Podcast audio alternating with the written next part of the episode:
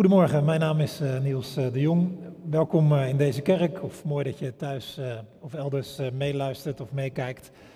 Ehm, deze dienst staat ook in een serietje van drie. Vorige week hebben we het over geloof gehad, vandaag over hoop en volgende week dan over ehm, liefde. Mooi dat je er ook bij kunt zijn. En ehm, ik wil even beginnen, meestal beginnen we met een bijbelgedeelte en leg ik daar wat uit. Vandaag komen de bijbelgedeeltes wat verderop uh, in, de, in de preek. Zo'n twintig jaar geleden had ik een, uh, een wat zonderlinge medestudent. Deze medestudent zat een jaar hoger en ik kwam hem af en toe in de, in de bus wel eens tegen. dan spraken we elkaar. was bijzonder vriendelijk. Maar ook wat, wat anders. Zo'n zo soort mens dat je misschien ook wel, wel kent, waarvan je denkt, je bent te goed voor deze wereld. Zo iemand waarvan je weet, je gaat het ook niet makkelijk krijgen. Je bent ergens puur en zuiver, maar ook kwetsbaar. Misschien ken je ook wel van zulke mensen. Ze zijn wat anders dan anderen, worden lang niet altijd zo serieus genomen. En ze dringen zichzelf ook helemaal niet op. Terwijl ze juist heel wijs kunnen zijn. Misschien juist wel omdat ze wat anders zijn, omdat ze er wat buiten staan, zien ze dingen scherper. Dat, dat was wel zo, meen ik, bij die medestudent van mij. En ik weet nog dat hij een keer in zo'n busrit tegen me zei dat hij vond dat zoveel mensen geen hoop hadden. Zoveel mensen zonder hoop. vond hij een van de grootste problemen van de tijd. Op een of andere manier heb ik altijd onthouden wat hij toen zei. En ik heb het sindsdien vaak teruggelezen in allerlei beschouwingen over onze cultuur en tijd. En ik meen het ook te zien bij mensen, een gebrek aan hoop. Ik weet niet of je dat ook merkt om je heen. Of, of misschien wel bij jezelf. Dat je er bijvoorbeeld niet hoopvoller op wordt. hoe, hoe zit dat? En misschien slaat het nieuws je af en toe plat hè, over corona en een dreigende economische crisis, over polarisatie, over, over klimaatvoorspellingen die nooit meevallen. Over een situatie op bijvoorbeeld Lesbos die hopeloos lijkt. Of zijn er dingen in je eigen leven die de hoop doen wegcijpelen? Is je, is je toekomstperspectief voor je studie of voor je werk, misschien is dat lastig? Of blijven er dingen uit waarvan je al zo lang naar uitkijkt en komt het er maar niet van? Misschien merk je wel dat je steeds cynischer wordt over veranderingen ten goede, bij, bij of om je heen of in, of in de samenleving je meer en meer op het hier en nu en op jezelf gericht raakt. Kan zomaar gebeuren, toch? Als, als je weinig hoop hebt, is dat tragisch. Want een mens zonder hoop, het spreekwoord zegt hoop verloren, al verloren. En er zijn er, de wanhopigen. Degene zonder een sprankje hoop, ze zijn er ook. Maar bij hen moeten we vrezen voor hun leven. Zo ontzettend belangrijk is hoop. Om het met een ander spreekwoord te zeggen, al even waar. Hoop doet leven. Ik las een verhaal waar dat letterlijk uit bleek. Het ging over twee mannen die gevangen werden genomen. vlak voordat ze in de kerker werden gegooid, kreeg een van hen te horen dat zijn vrouw en kind gestorven waren. En de ander kreeg te horen dat, dat zijn vrouw en kind levend en wel doorheen gekomen waren en op hem zouden wachten. In de eerste paar jaar van hun gevangenschap kwijnde de eerste man weg. Op een gegeven moment bleef hij gewoon liggen, stond hij niet meer op en stierf. De andere man hield vol, bleef sterk en kwam een aantal jaren later vrij. Hun omstandigheden waren exact hetzelfde. Maar hun toekomstperspectief was helemaal anders. En dat toekomstperspectief, of juist het ontbreken ervan, bepaalde hoe het hen verging, hoe het met hen afliep. En dat is ook zo bij ons. Ons toekomstperspectief, onze hoop, dat bepaalt hoe we het houden in het leven. Onze hoop bepaalt waar we voor gaan. Als je, als je veel hoop hebt, dan brengt dat je in beweging. Want hoop is een accelerator. Het brengt mensen in beweging om dingen te doen. Het brengt mensen ook in verzet, bijvoorbeeld tegen het kwade.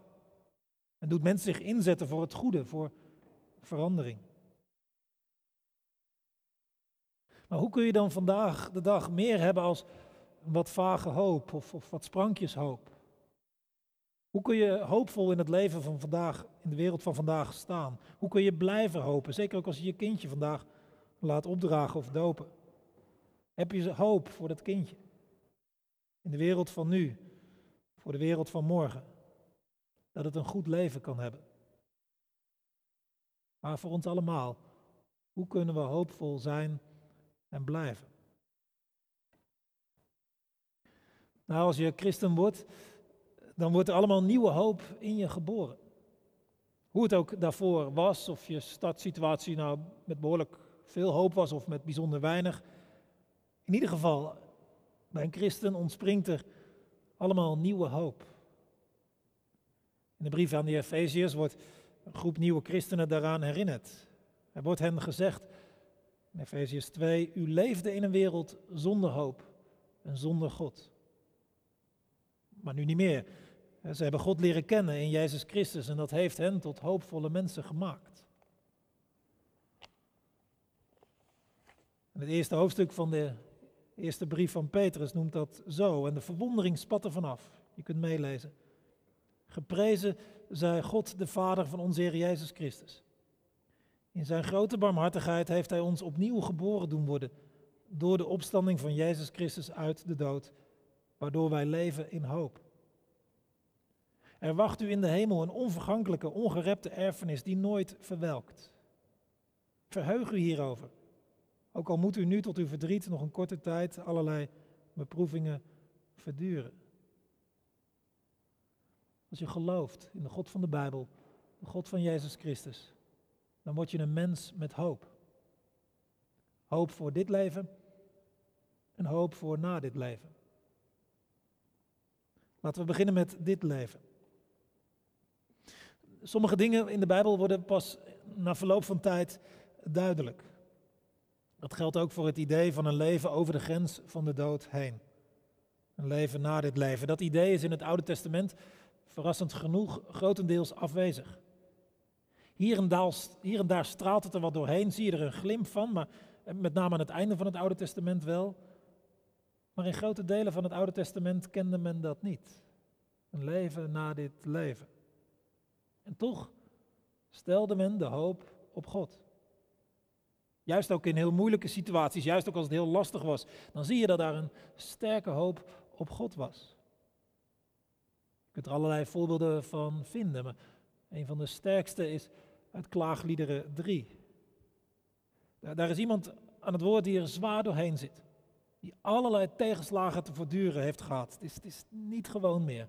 Je zou het bijna kunnen zeggen een soort lesbos-situatie. Het is, het is vreselijk. En als je dat, hele hoofdstuk leest, het doet, doet pijn om de klachten te horen van dit boekje. Omstandigheden zijn vreselijk, alles lijkt verloren. En dan wordt er opeens dit gezegd. Kunt meelezen. Telkens als ik mijn lot overdenk, ben ik diep te neergeslagen. En toch geef ik de hoop niet op. Want hieraan houd ik vast. Genadig is de Heer. We zijn nog in leven. Zijn ontferming kent geen grenzen. Elke morgen schenkt hij nieuwe weldaden. Veelvuldig blijkt uw trouw. Ik besef, mijn enig bezit is de Heer. Al mijn hoop is op Hem gevestigd.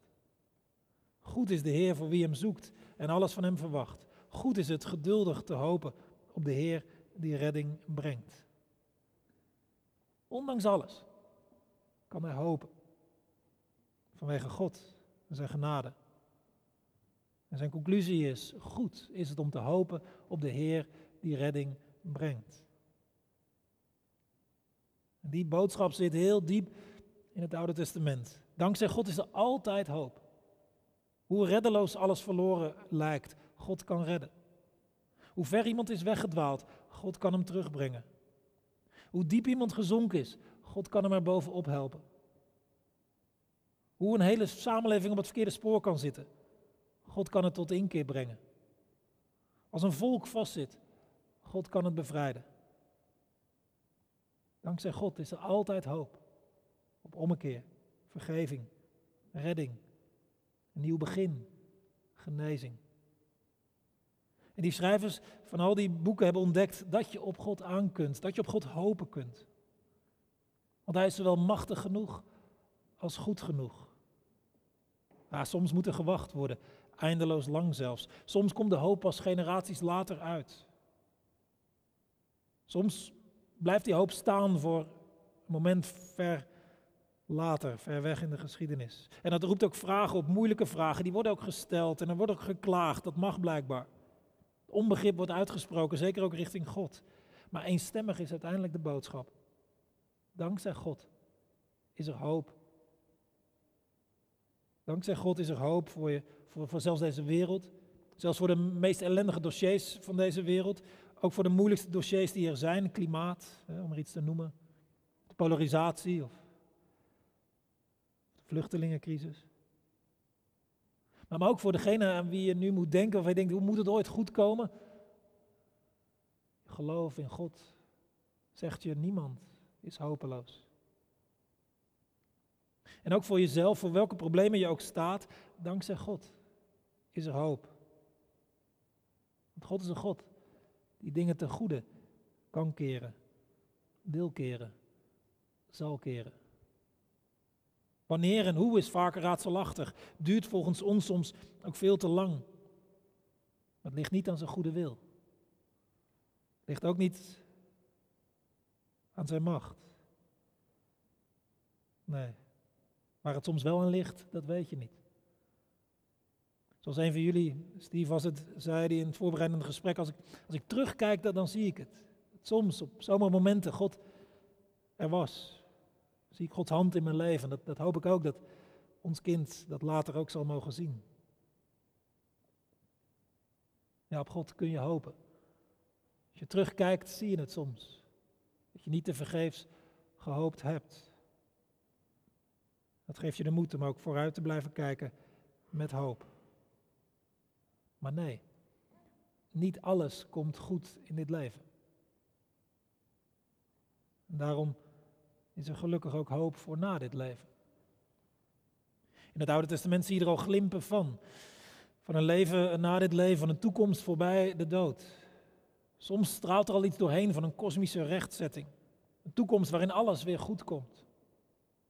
Maar in het Nieuwe Testament breekt dit geloof pas echt goed door. Zoals C.S. Lewis zei, iedere bladzijde van het Nieuwe Testament ritselt van de geruchten dat het niet altijd zo blijven zal. Wat wij kennen, wat wij zien, dat blijft niet voor altijd en eeuwig zo. En er wordt gesproken over, over een nieuwe toekomst, over, over eeuwig leven, over een oordeel dat alles recht zet. Jezus bijvoorbeeld sprak geregeld over het eeuwige leven. Je kunt meelezen. Dit wil mijn vader. Dat iedereen die de zoon ziet en in hem gelooft, eeuwig leven heeft. En dat ik hen op de laatste dag uit de dood zal opwekken. Of in bijvoorbeeld de brief aan Titus wordt gesproken over hoop op het eeuwige leven dat God heeft beloofd. Tegen de mensen in Kolossen wordt gezegd dat geloof hebben, liefde hebben, maar ook dat je kunt hopen op wat in de hemel voor je gereed ligt. En in misschien wel het meest hoopvolle hoofdstuk uit de Bijbel, Romein 8, staat dit. Ik ben ervan overtuigd dat het lijden van deze tijd in geen verhouding staat tot de luister die ons in de toekomst zal worden geopenbaard. Het lijden van deze tijd in geen verhouding tot de luister die ons in de toekomst zal worden geopenbaard. En er wordt daar in eh, Romein 8 ook gesproken over de verlossing van ons sterfelijk bestaan. Over de schepping zelf die zal worden bevrijd uit de slavernij van de vergankelijkheid. En het Nieuwe Testament eindigt dan met dit hoopvolle vooruitzicht. Ik zag een nieuwe hemel en een nieuwe aarde. Ik hoorde een luide stem vanaf de troon die uitriep: Gods woonplaats is onder de mensen. Hij zal bij hen wonen. Ze zullen zijn volk zijn en God zelf zal als hun God bij hen zijn. Hij zal alle tranen uit hun ogen afwissen. Er zal geen dood meer zijn, geen rouw, geen jammerklacht, geen pijn. Want wat er eerst was, is voorbij. Prachtige teksten, toch? Ik denk dat ze resoneren bij, bij iets binnenin ons, aan een, aan een diep verlangen in ons, naar een toekomst waarin alles recht komt. Er is wel gezegd dat wij aangelegd zijn op, op zo'n toekomst. in de eeuwigheid. Daar zijn we voor gemaakt. Dat, dat, en daarom zit er een verlangen naar in ons. En dat, dat krijgen we maar met moeite weg. Dat, weet niet of het opgevallen is of je er wel eens bij bent geweest, maar soms rondom begrafenis of crematies. En men gaat als atheïst door het leven. Maar rondom zo'n cremатiebegrafenis worden dan allerlei dingen gezegd dat, hè, dat, dat de overledene toch nog wel mee zal kijken over de schouder. Of een ster zal zijn aan de hemel, of, of ooit op de achterblijvende zal wachten. En ik denk dan, hè, waar, waar baseer je dat op? Is, is dat geen wishful thinking? Maar ja, dat, zou je ook kunnen zeggen van die, van die mooie teksten die wij lazen. Is, is, is, ja, dat is toch ook wishful thinking? Of niet? Nou, christelijk geloof heeft altijd één reden aangedragen. Eén, één grond voor dit geloof in zo'n toekomst. Namelijk de opstanding van Jezus uit de dood. De eerste christenen zagen na zijn dood aan het kruis een levende Jezus, keer op keer. En, en door die opstanding uit de dood brak het geloof door dat wij mensen ook met hem kunnen opstaan uit de dood. Als Jezus sterker is dan de dood, dan kan hij ook anderen daardoor heen halen. Kan hij de hele schepping door de machten van dood en verval heen halen.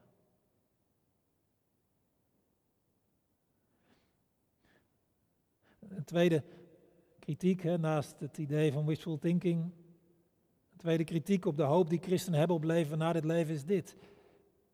Dat je met een geloof in een leven na dit leven mensen passief maakt voor dit leven. dat zorgt ervoor dat mensen berusten in het hier en nu en er niet, niet, niet iets van proberen te maken. Karl Marx zei dit bijvoorbeeld. De geschiedenis wijst echter op het tegendeel. Elke keer staan juist christenen aan de wieg van ziekenhuizen, instellingen om armoede te bestrijden, huizen om weeskinderen op te vangen, protesten om slavernij af te schaffen. Juist als je wel hoop hebt de toekomst. Zet je in voor het heden. Soms zelfs met gevaar voor eigen leven. Omdat je hoop niet alleen maar op je eigen leven hier en nu is gericht, maar dat je weet van iets beters. Daardoor ga je je nu al inzetten voor meer recht en gerechtigheid. Maar dat is niet het enige wat hoop geeft, dat het je meer inzet voor, voor recht en gerechtigheid hier geeft ook dit. De wetenschap dat wat je doet op grond van je geloof in de naam van Jezus, dat dat niet te vergeefs zal zijn. De zinloosheid van dingen, ja, dat, dat, daar leg je niet bij neer. Je weet dat dingen betekenis hebben, dat God ze kan oppakken en meenemen in zijn toekomst. En, en, en hoop vervult je met vreugde. En Nicolette vertelde een mooi verhaal in het voorbereidingsgesprek over een dorp in Italië. Er was al jaren geen, geen kind meer geboren, zo'n klein dorpje. Sowieso zijn die geboortecijfers in Italië geloof ik al niet echt, uh, echt lekker, maar, maar zeker ook in het dorp niet. En toen na jaren weer, weer een, een kindje geboren. En het hele dorp werd daar blij van. Want het was iets hoopvols, iets vreugdevols. Nieuw leven. Ik denk ook dat jullie dat meemaken. Die kleine van jullie, die roept vreugde op je mensen zomaar tegenkomt, die kunnen al blij worden van die kleine van jou. Laat staan je, je, de opa's en oma's en andere familie en vrienden. Hoop geeft vreugde. En, en wat hoop ook doet, is dat het je zuiverder maakt, puurder. En Johannes 3 gaat erover. En, en als laatste wat het je ook nog eens geeft, is dat het je anders met de dood doet omgaan. De dood blijft vreselijk, doet pijn en verdriet. Maar met de dood eindigt niet alles, is niet alles verloren. Daarom kan er in de brief van de Thessalonicense staan, zodat u niet hoeft te treuren zoals zij die geen hoop hebben. Ja, als de dood, als dat komt ergens om je heen, het verdriet is er zeker. Maar het is anders dan als je helemaal geen hoop had. Het is verdriet, maar anders. Hoopvoller. Hoop op God. Hoop op grond van Jezus' opstanding uit de dood. Die hoop geeft je veel, zowel voor dit leven als voor na dit leven. En het is dus nogal belangrijk dat je hoop hebt en houdt. En daarom sluit ik hiermee af. Zorg ervoor dat je de hoop voedt. Juist ook omdat in onze tijd en cultuur die hoop zomaar kan wegcijpelen. mensen kunnen zo vaak sceptisch zijn, zo vaak cynisch, zo, soms zelfs ronduit wanhopig. En, en voor je het weet word je daardoor aangestoken. En daarom moet je, moet je je eigen hoop voeden. Zeker ook als je de ouder bent van een kind. Misschien wel het belangrijkste wat Simon of Roki of Nathan van jullie nodig heeft, is dat je iemand bent met geloof, hoop en liefde. Als je die drie dingen hebt als ouders, dan kun je ze dat ook geven. Simon, Nathan, Roki. Menselijkerwijs gesproken hebben zij de meeste kans om zelf mensen met geloof, hoop en liefde te worden. Als jullie mensen met geloof, hoop en liefde zijn. Als jullie in dat spoor voorgaan. Maar, maar hoe doe je dat dan? De hoop voeden. Zorgen dat, het niet, dat je het niet kwijtraakt. Ik noem vier punten. De eerste twee liggen voor de hand misschien, maar ik wil ze toch noemen. Eerst door je met de Bijbel bezig te blijven houden.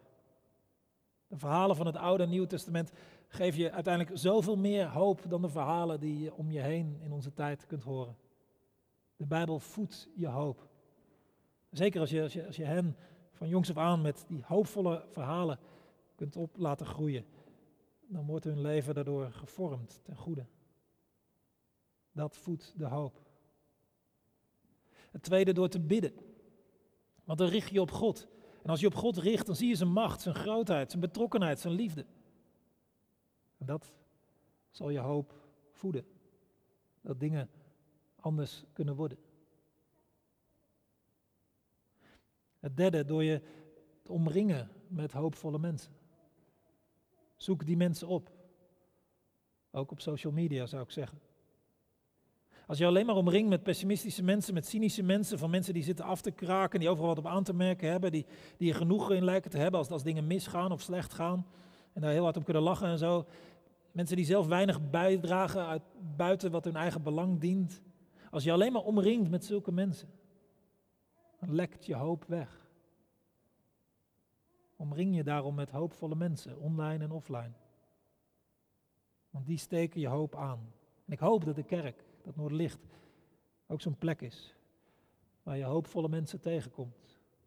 Die ook bij jou de hoop voeden. Het vierde over hoe je de hoop kunt voeden in jezelf is door hoop concreet te maken in daden. Zo deel je hoop uit en als je hoop deelt, dan wordt ook je eigen hoop meer. Nou, hoe doe je dat dan? Hoopvolle daden doen? Maar noem maar wat. Door te investeren in iemand die door anderen als hopeloos wordt beschouwd. omdat je gelooft dat voor God niemand hopeloos is. of door af en toe vuil te prikken in je straat of om je omgeving, omdat je gelooft dat je zo vooruitloopt op die nieuwe schepping. Door samen met anderen te bidden voor iemand die diep zit of voor een situatie die bijzonder ingewikkeld is. Omdat je hoopt op God. Door iets bij te dragen aan bijvoorbeeld een stichting als, als Goud van Noord of Stichting Present of, wat dan ook, omdat je gelooft dat barmhartigheid niet te vergeefs is. Door je geld weg te geven aan, aan een goed doel of, of, een organisatie of de kerk, omdat je, dat je gelooft dat mensen echt kunnen opknappen met de juiste hulp. Of door iets te doen voor een kind in de knel, een kind dat wel wat extra hulp of wat extra kaartje of extra plezier of een extra cadeautje kan gebruiken. Dat je gelooft dat een kind niet precies dezelfde hoeft te, problemen hoeft te hebben als de generaties voor hem of haar. En als je dit doet, als je, als je zo hoopvol handelt, dan, dan doet dat ook wat met je eigen hoop. En daarom bedenk wat een hoopvol iemand zou doen. En doe dat.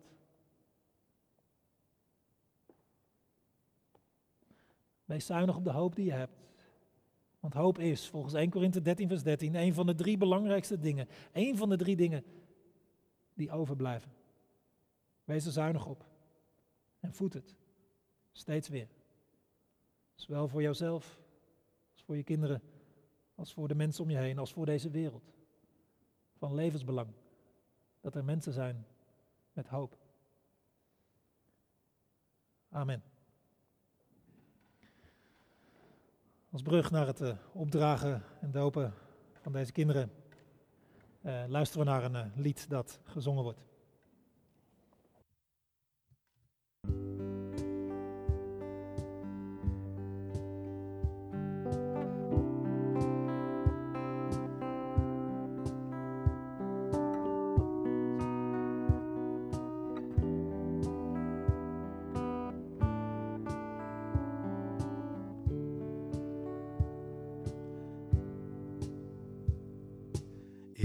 colorful.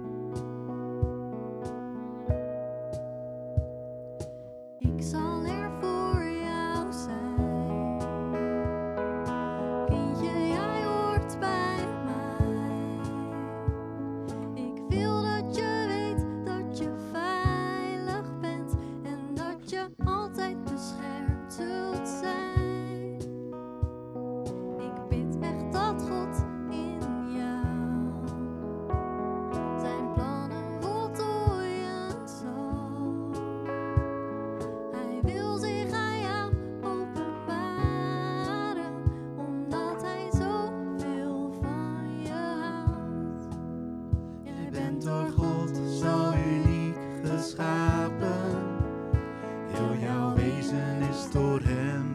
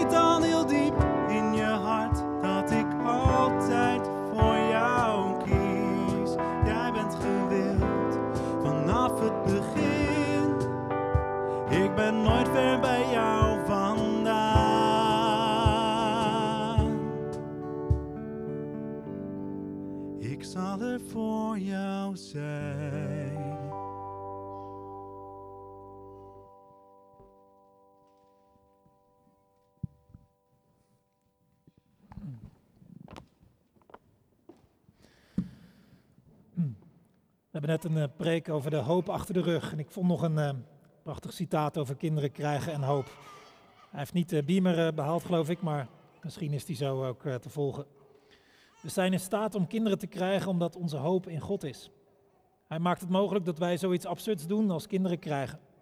In een wereld met zulk verschrikkelijk onrecht, in een wereld met zulk verschrikkelijke ellende, is het krijgen van kinderen een uitzonderlijke daad van geloof en hoop. Als christenen kunnen we hopen op God die ons aanspoort om kinderen te verwelkomen. We zijn bereid te geloven dat dit nieuwe leven onze gemeenschap zal verrijken. Het zal vast allemaal niet zo bewust zijn gegaan bij jullie, maar blijkbaar hadden jullie genoeg geloof en hoop om open te staan voor een kind. Simon, Nathan of Roki.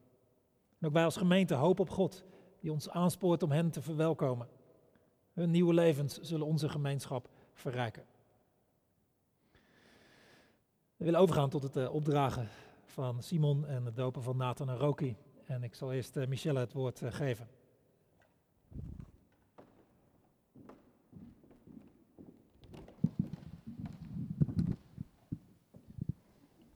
Dankjewel. We mochten een brief schrijven voor Simon en die wil ik graag voorlezen. Lieve Simon, vandaag is het een bijzondere dag omdat we je in de kerk mogen brengen en mogen opdragen aan onze God. We schrijven deze brief op een doordeweekse avond, zittend aan de keukentafel waar je slapper nog over je stoel heen hangt. Je bent nu een half jaar oud en tijdens het avondeten schuiven we je al gezellig aan bij ons aan tafel. Overdag kijk je je ogen uit en moet je soms al heel hard lachen om de grapjes van je grote broer Oliver. Jouw naam betekent God heeft gehoord. En we hopen dat jij mag gaan ontdekken dat God jou ook daadwerkelijk hoort. En ook God heeft ons verlangen gehoord om nog een kindje te mogen krijgen. Dat vinden we heel bijzonder en niet vanzelfsprekend. Het is een tijd waarin veel dingen onzeker lijken te zijn, maar we hopen en bidden dat jij mag zien dat je Gods trouw als een rode draad door je leven mag zien lopen. Zodat je altijd kunt terugblikken en Gods handen om jouw leven ziet. En dat je vooruit mag kijken met vertrouwen op Hem die je niet loslaat. We willen je opdragen aan God omdat we dankbaar zijn maar ook omdat we ons afhankelijk weten van Hem. We vragen Gods hulp in de opvoeding. We mochten jou en je broer in Zijn genade ontvangen en we hopen dat we stukjes van Zijn liefde aan jullie mogen doorgeven. Lieve Simon, we hopen dat je met vreugde in ons, in ons gezin mag opgroeien en dat je je plekje mag vinden en ontdekken en dat je je altijd geliefd mag weten. we zijn zo blij dat jij er bent. We houden van jou papa en mama.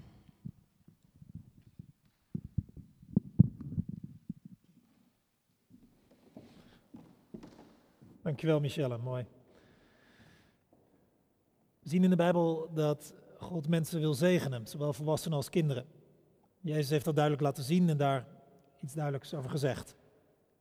En ze brachten de kinderen tot hem, opdat hij ze zou aanraken, maar de discipelen bestraften hen. Toen Jezus dat zag, nam hij het hen zeer kwalijk en zei tot hen, Laat de kinderen tot mij komen en verhindert ze niet. Want voor zodanig is het koninkrijk van God. Voorwaar ik zeg u, wie het koninkrijk van God niet ontvangt als een kind, zal het zeker niet binnengaan. En hij, Jezus, omarmde ze en legde hun de handen op en zegende ze. Steve en Michelle brengen hun kind in de gemeente omdat ze de Heer willen vragen om zijn zegen over het leven van hun Simon. Ze hopen dat als hij zelf mondig geworden is met hen en met heel zijn gemeente de ene Heer zal beleiden en erom zal vragen gedoopt te worden. Dat spoor willen ze Simon opvoeden en laten opvoeden. Ze vragen ons als gemeente hen daarin bij te staan met ons gebed, ons meeleven en onze onderlinge liefde. Steve en Michelle mag ik vragen om op te staan en antwoord te geven op de volgende vraag. Geloof je dat de Bijbel het woord van God is, waarin hij zich laat kennen als God de Vader, God de Zoon en God de Heilige Geest? Zoals dat ook samengevat wordt in de apostolische geloofsbelijdenis. Geloof je dat je kind door Gods genade als lid van zijn gemeente mag worden gezien en dat God hem wil opnemen in zijn verbond? Beloof je en neem je voor je rekening dit kind, waarvan je vader of moeder bent geworden, bij het opgroeien met het geloof in de Bijbel op te voeden, hem hiermee te onderwijzen en hem hierin te laten onderwijzen? Beloof je hem te willen voorgaan in geloof, hoop en liefde? Steven Michelle, wat is voor al deze mensen hier, voor de mensen die meekijken en bovenal voor God jullie antwoord? Mag ik jullie vragen om hier eh, te komen en een zegen eh, te ontvangen voor Simon?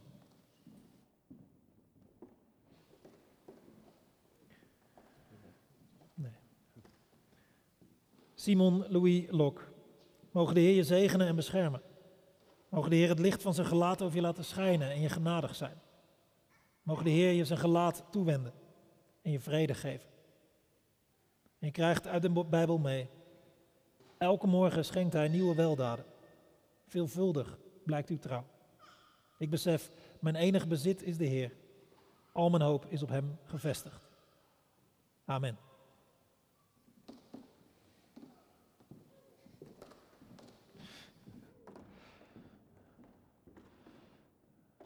Simon vond het wel uh, mooi om gezegend te worden, geloof ik. Dat, uh... We gaan over tot het dopen van uh, Nathan en Roki.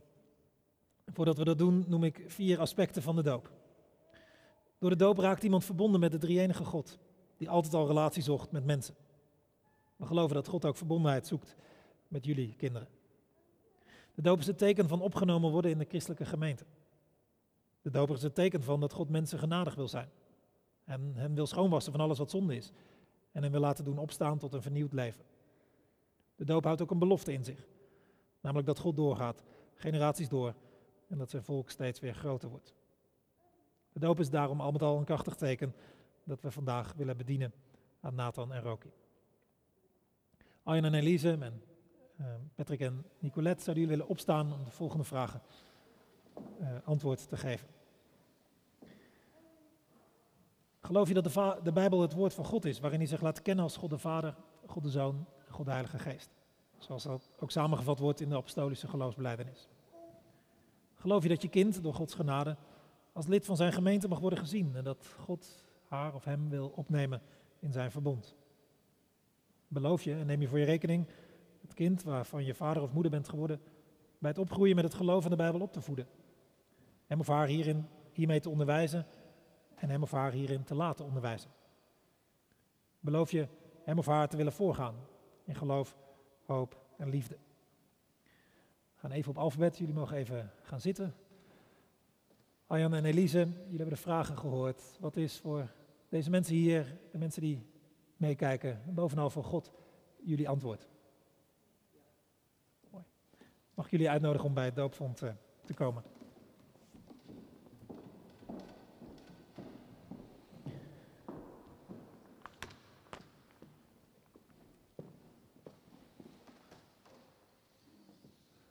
Nathan Willem Veenstra, ik doop je in de naam van de Vader. Ik doop je in de naam van de Zoon. En ik doop je in de naam van de Heilige Geest. En vanuit de Bijbel krijg je mee. Goed is de Heer voor wie hem zoekt en alles van hem verwacht. Goed is het geduldig te hopen op de Heer die redding brengt. Amen.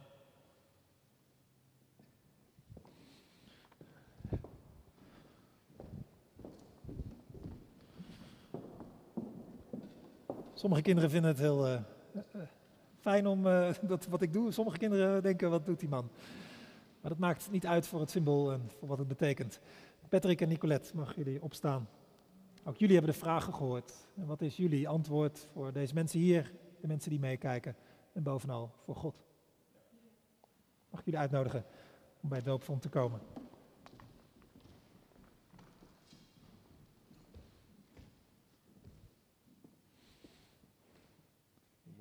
Ja, je moet hem toch even draaien. Dankjewel. Roki van Halem, ik doop je in de naam van de Vader. Ik doop je in de naam van de Zoon. En ik doop je in de naam van de Heilige Geest. En vanuit de Bijbel krijg je mee. De God nu van hoop, die vervullen je met vreugde. Amen.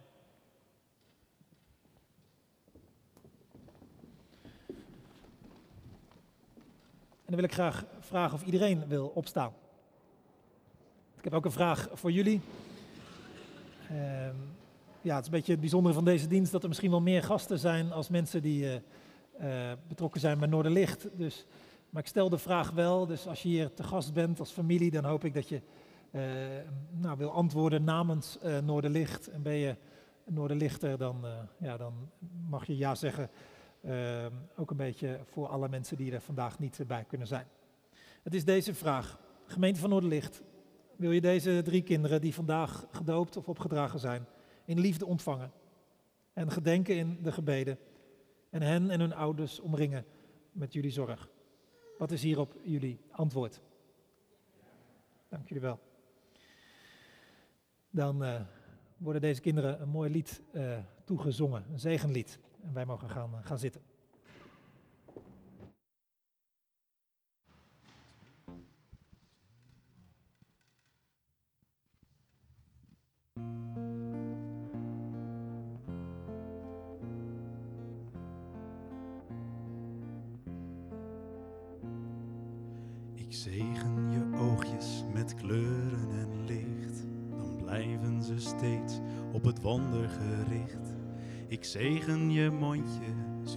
Het vaak lacht en woorden zal spreken waar iemand op wacht. Simon van God gekregen, ik geef jou zijn zegen. Simon van God gekregen, ik geef jou zijn zegen.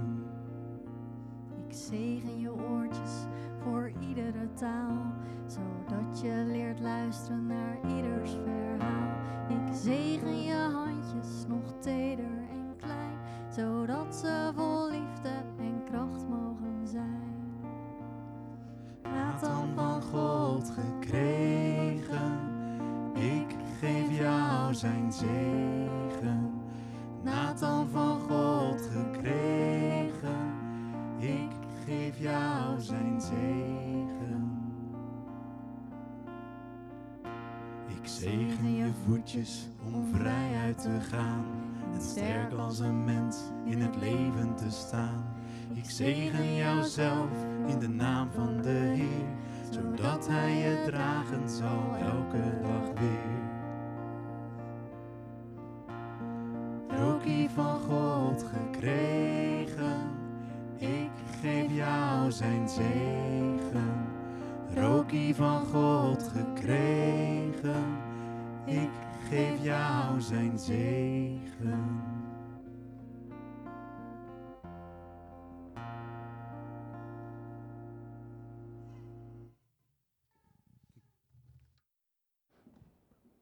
Laten we God danken en bidden.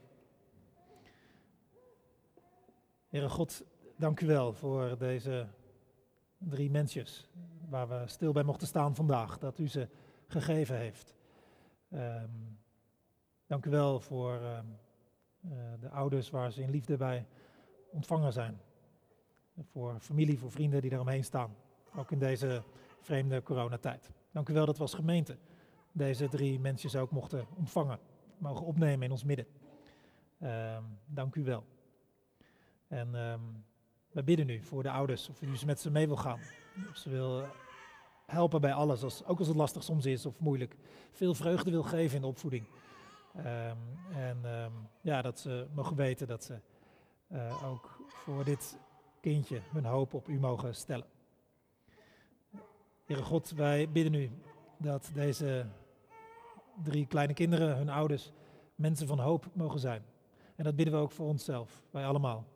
Dat wij mensen mogen zijn die hoopvol zijn. Die, um, die veel aan hoop hebben. Um, en wilt u het ons elke keer weer aanvullen als het weglekt? Wilt u ons helpen te voeden? Zodat het um, ja, niet minder wordt, maar meer. Uh, dat we onze hoop mogen delen. Dat onze hoop concreet mag worden in daden.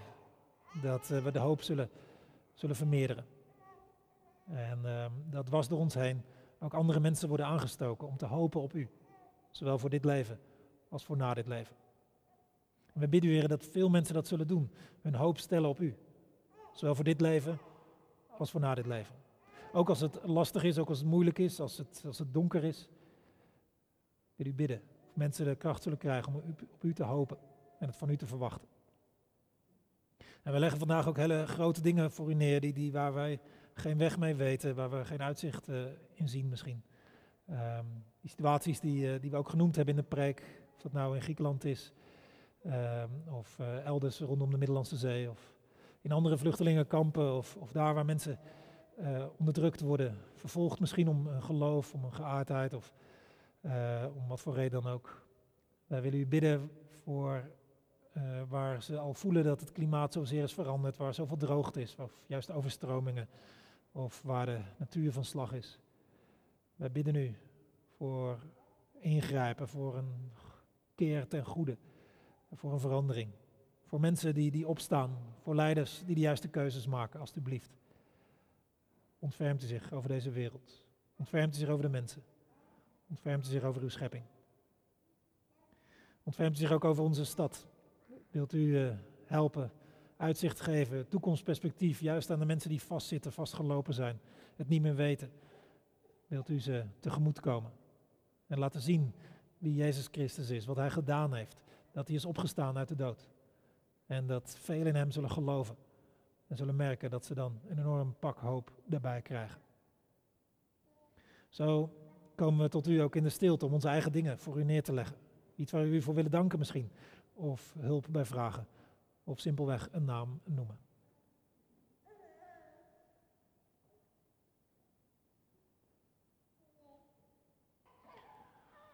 Hoor zo ons eh, bidden en danken in de naam van Jezus Christus. Amen.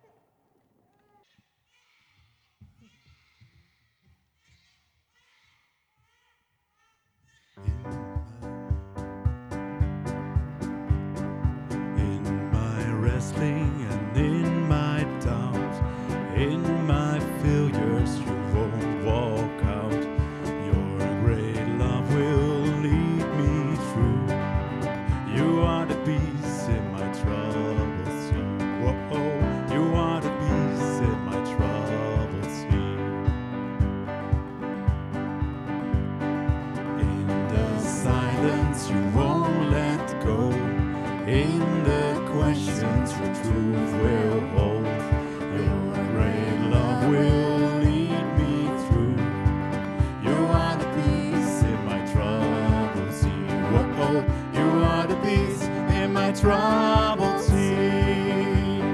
One, two, three, four. My lighthouse, my lighthouse, shining in the darkness. I will follow you. Oh, my lighthouse, my lighthouse. I will trust the promise. You will carry me safe to shore, safe to shore,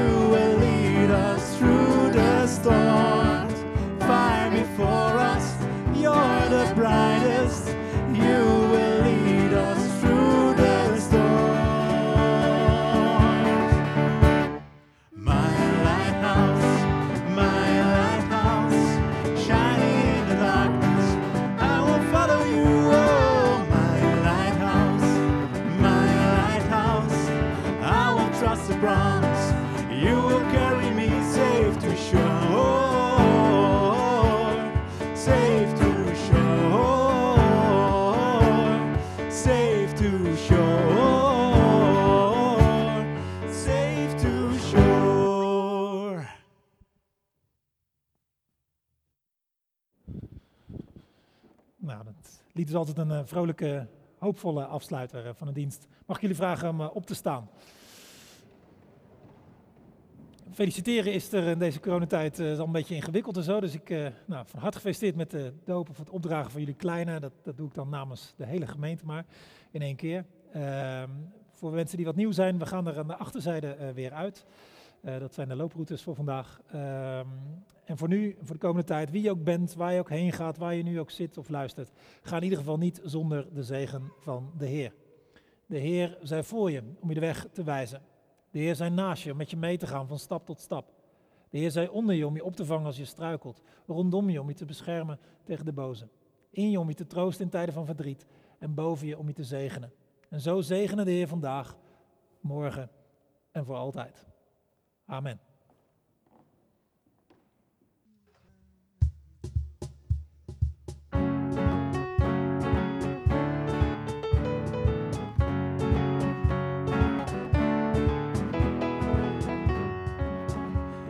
Wens jou een dak boven je hoofd.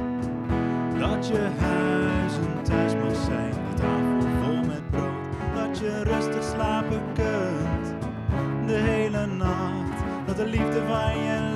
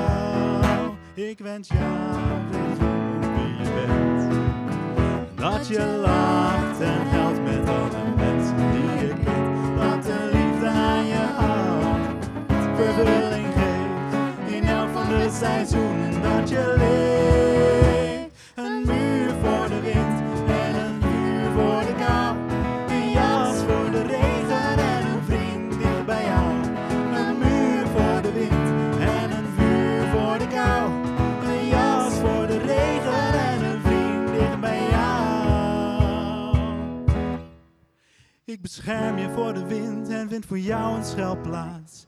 In de nacht maak ik een vuur, want dan word jij niet bang. In het donker loop ik naast je als een trouwe engel. Ik ben hier, wij gaan samen, heel je leven lang.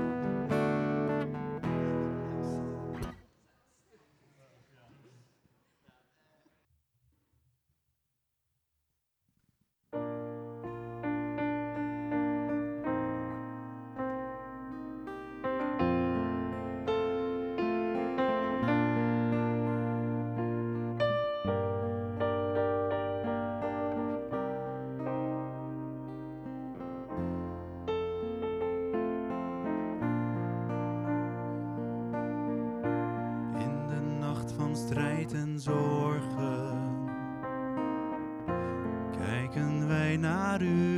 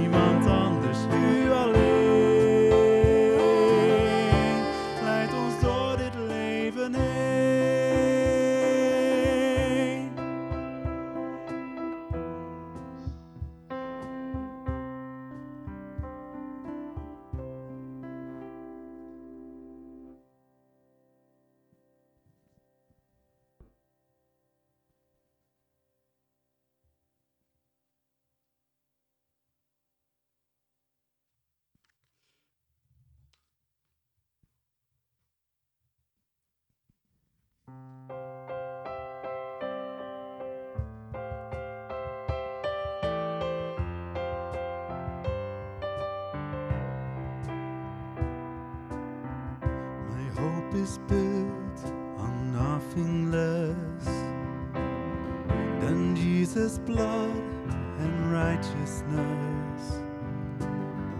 I dare not trust the sweetest frame, but wholly trust in Jesus' name. My hope is built.